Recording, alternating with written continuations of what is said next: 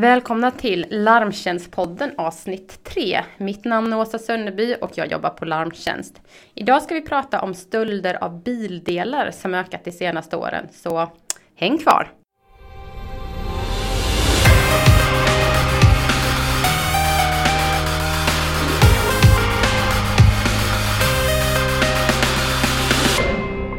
Hej alla lyssnare och välkomna till tredje avsnittet av Larmtjänstpodden.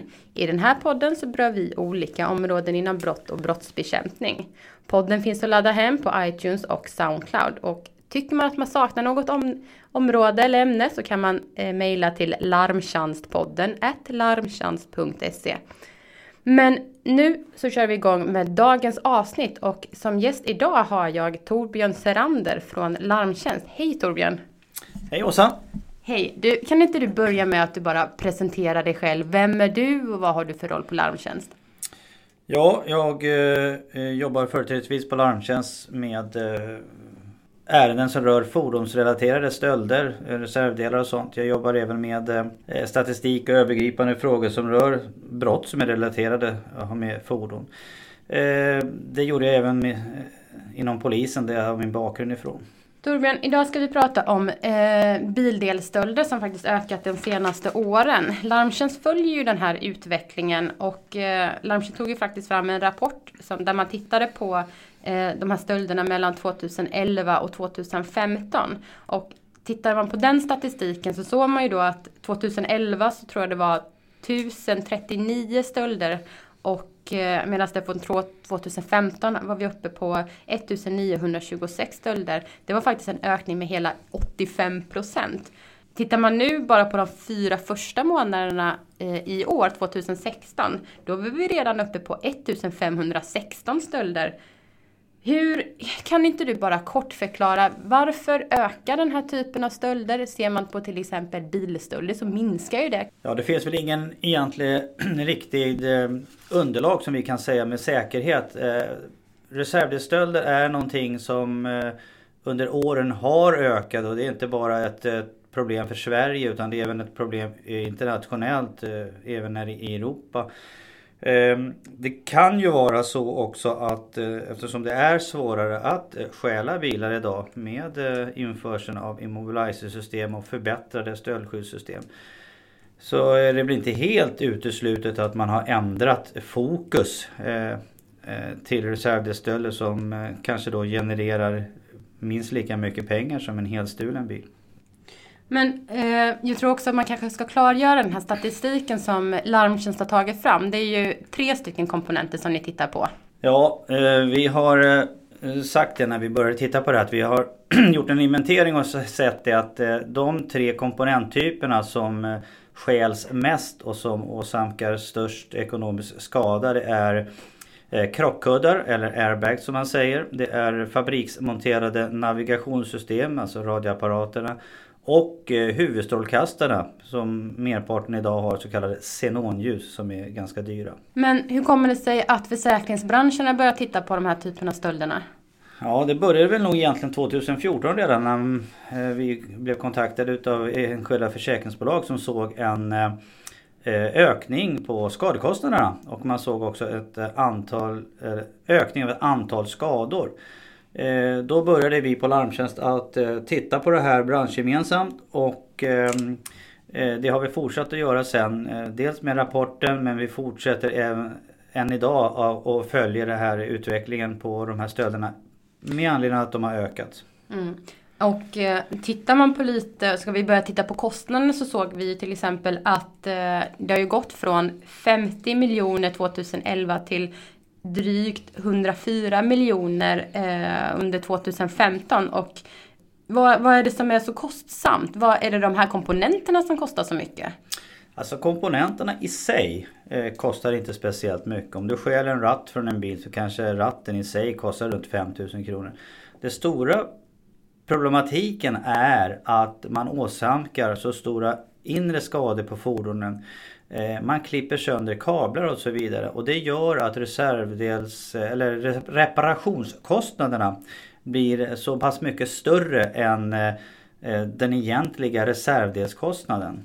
Men vad, okej, okay. eh, var är det hela Sverige som den här typen av stölder pågår? Är det, eller är det specifika områden? Hur ser det ut där?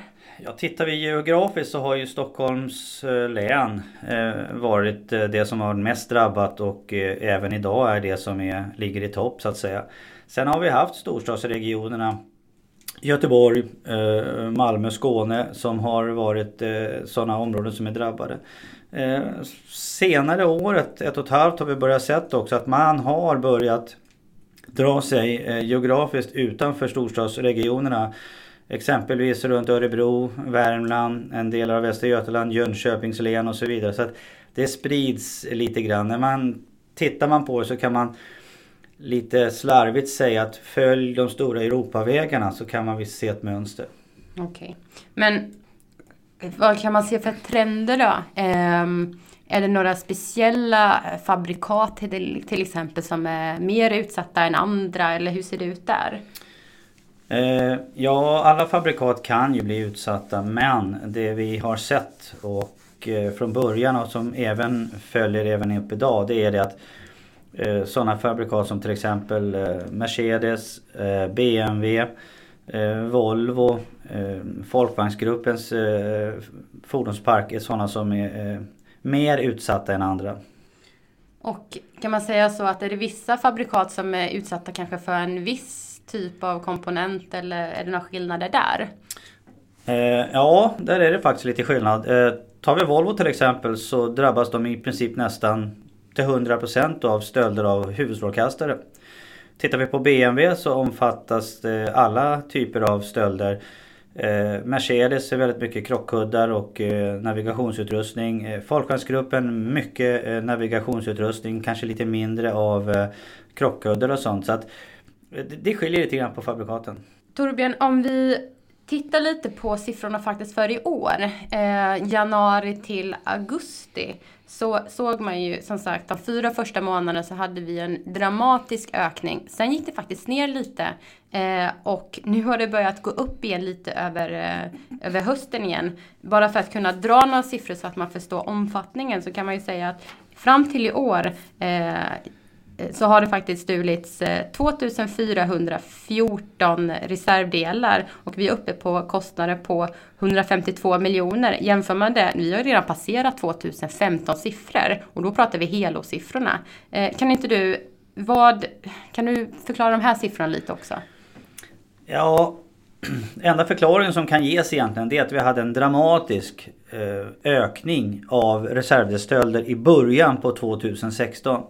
Eh, vi hade otroligt mycket stölder framförallt i Stockholmsområdet men även i Västra Götaland. Eh, det var så pass eh, mycket så att eh, det var Ja det var bekymmersamt rent ut sagt. Eh, det som hände och som fick en positiv eh, effekt var det att polisen, eh, gränspolisen i Stockholm jobbade väldigt hårt med det här. Därför att vad branschen gjorde tillsammans med eh, polis och generalagenten det var att försöka komma eh, få ordning på det här. Och polisen var väldigt lyckosamma under våren och grep ett stort antal personer och det gjorde att stölderna helt plötsligt minskade dramatiskt i en positiv bemärkelse. Mm. Man har gjort vissa insatser då så att säga eh, mot den här typen av stölder. Min fråga är vilka ligger bakom den här typen av stölder? Vad, vilka har insatserna gjort i så fall mot och hur? Eh, det polisiära givetvis är ju för att eh, gripa och lagföra gärningsmän. Och eh, det som vi kan säga från våran sida, vi jobbar ju inte mot de kriminella på det sättet men den erfarenhet vi har sett det är att det är internationella ligor som kommer in resande utifrån och gör de här brotten och godset förs ut. När vi pratar åtgärder i Eh, internt här i Sverige då så har vi som jag var inne på att eh, polis, eh, generalagenter och försäkringsbransch har gått samman för att komma med åtgärder. Och eh, polisen jobbar utifrån eh, från sin del och försäkringsbranschen har ju jobbat väldigt mycket med att eh, försöka förebygga eh, de här stölderna om det går. Och att märka eh, bilar. Så att eh, Idag märks eh, en stor del av fordonen med så kallat smart DNA för att försöka kunna spåra godset om det anträffas. Generalagenterna tittar utifrån sitt perspektiv Vad kan de göra för någonting för att förhindra de här stölderna i framtiden, ändra konstruktioner och så vidare.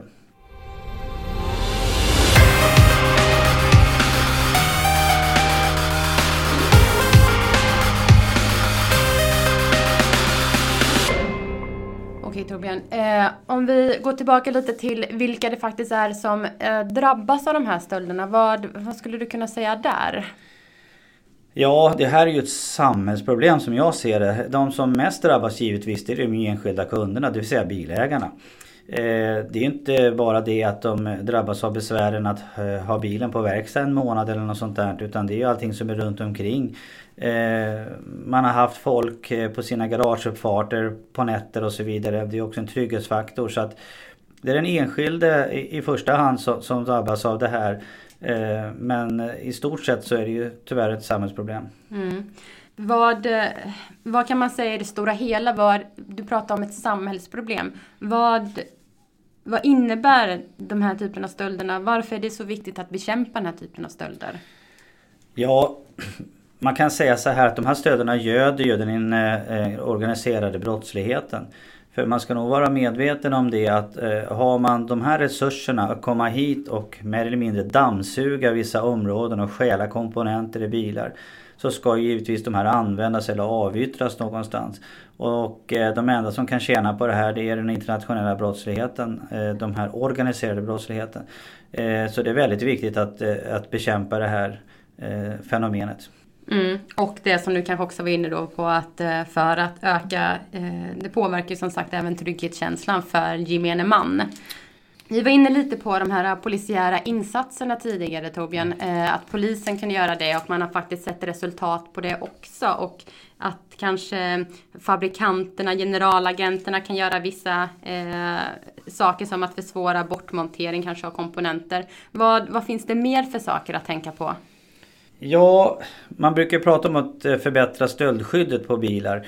Eh, det här är ju väldigt svårt att förbättra vissa delar. Som till exempel en ratt är ju lite svår att skydda. Eh, när det gäller radioapparater och andra enheter så klart kan man göra insatser på dem.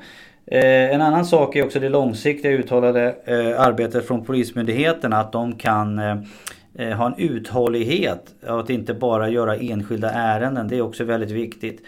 Ehm, Tittar vi då på Eh, när brotten har skett så är ju givetvis en tillämpning av eh, utförselkontroller möjligheten att, eh, att göra de kontrollerna.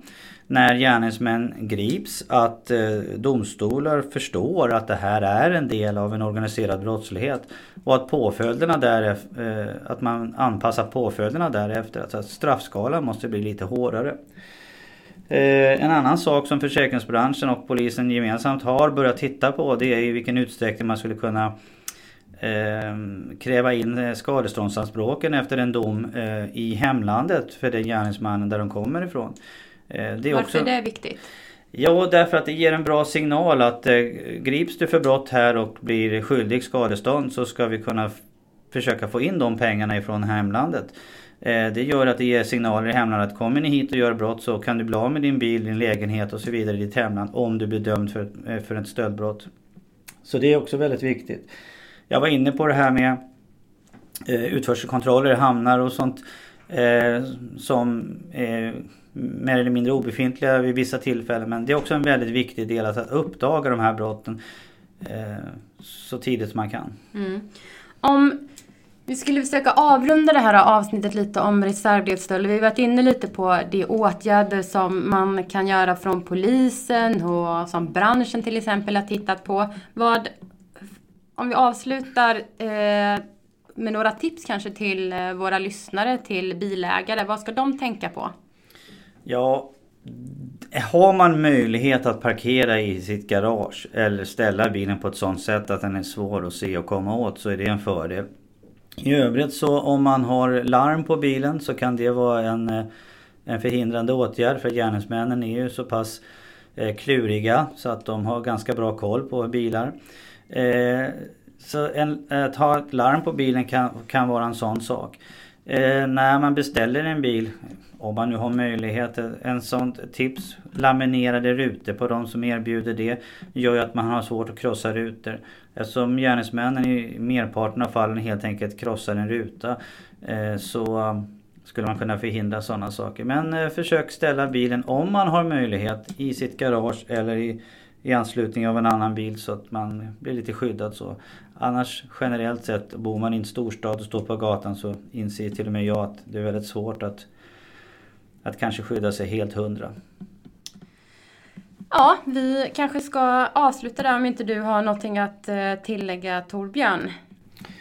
Eh, nej, vi fortsätter att följa utvecklingen på det här och hoppas att eh, vi ska med ett långsiktigt arbete tillsammans med polis, eh, försäkringsbransch och eh, generalagenter försöka få, eh, få bukt med det. Kanske inte hundraprocentigt men försöka få ner siffrorna för att de är alldeles för höga idag.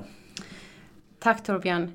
Ni har hört Larmtjänstpodden, en podd från Larmtjänst som är en branschorganisation för sakförsäkringsbolagen med syfte att bekämpa försäkringsrelaterad brottslighet. Dagens gäst var Torbjörn Serander på Larmtjänst och jag heter Åsa Sönneby. Ni får gärna dela podden i alla era sociala medier och eh, kanaler. Tack för att ni lyssnade så hörs vi strax igen.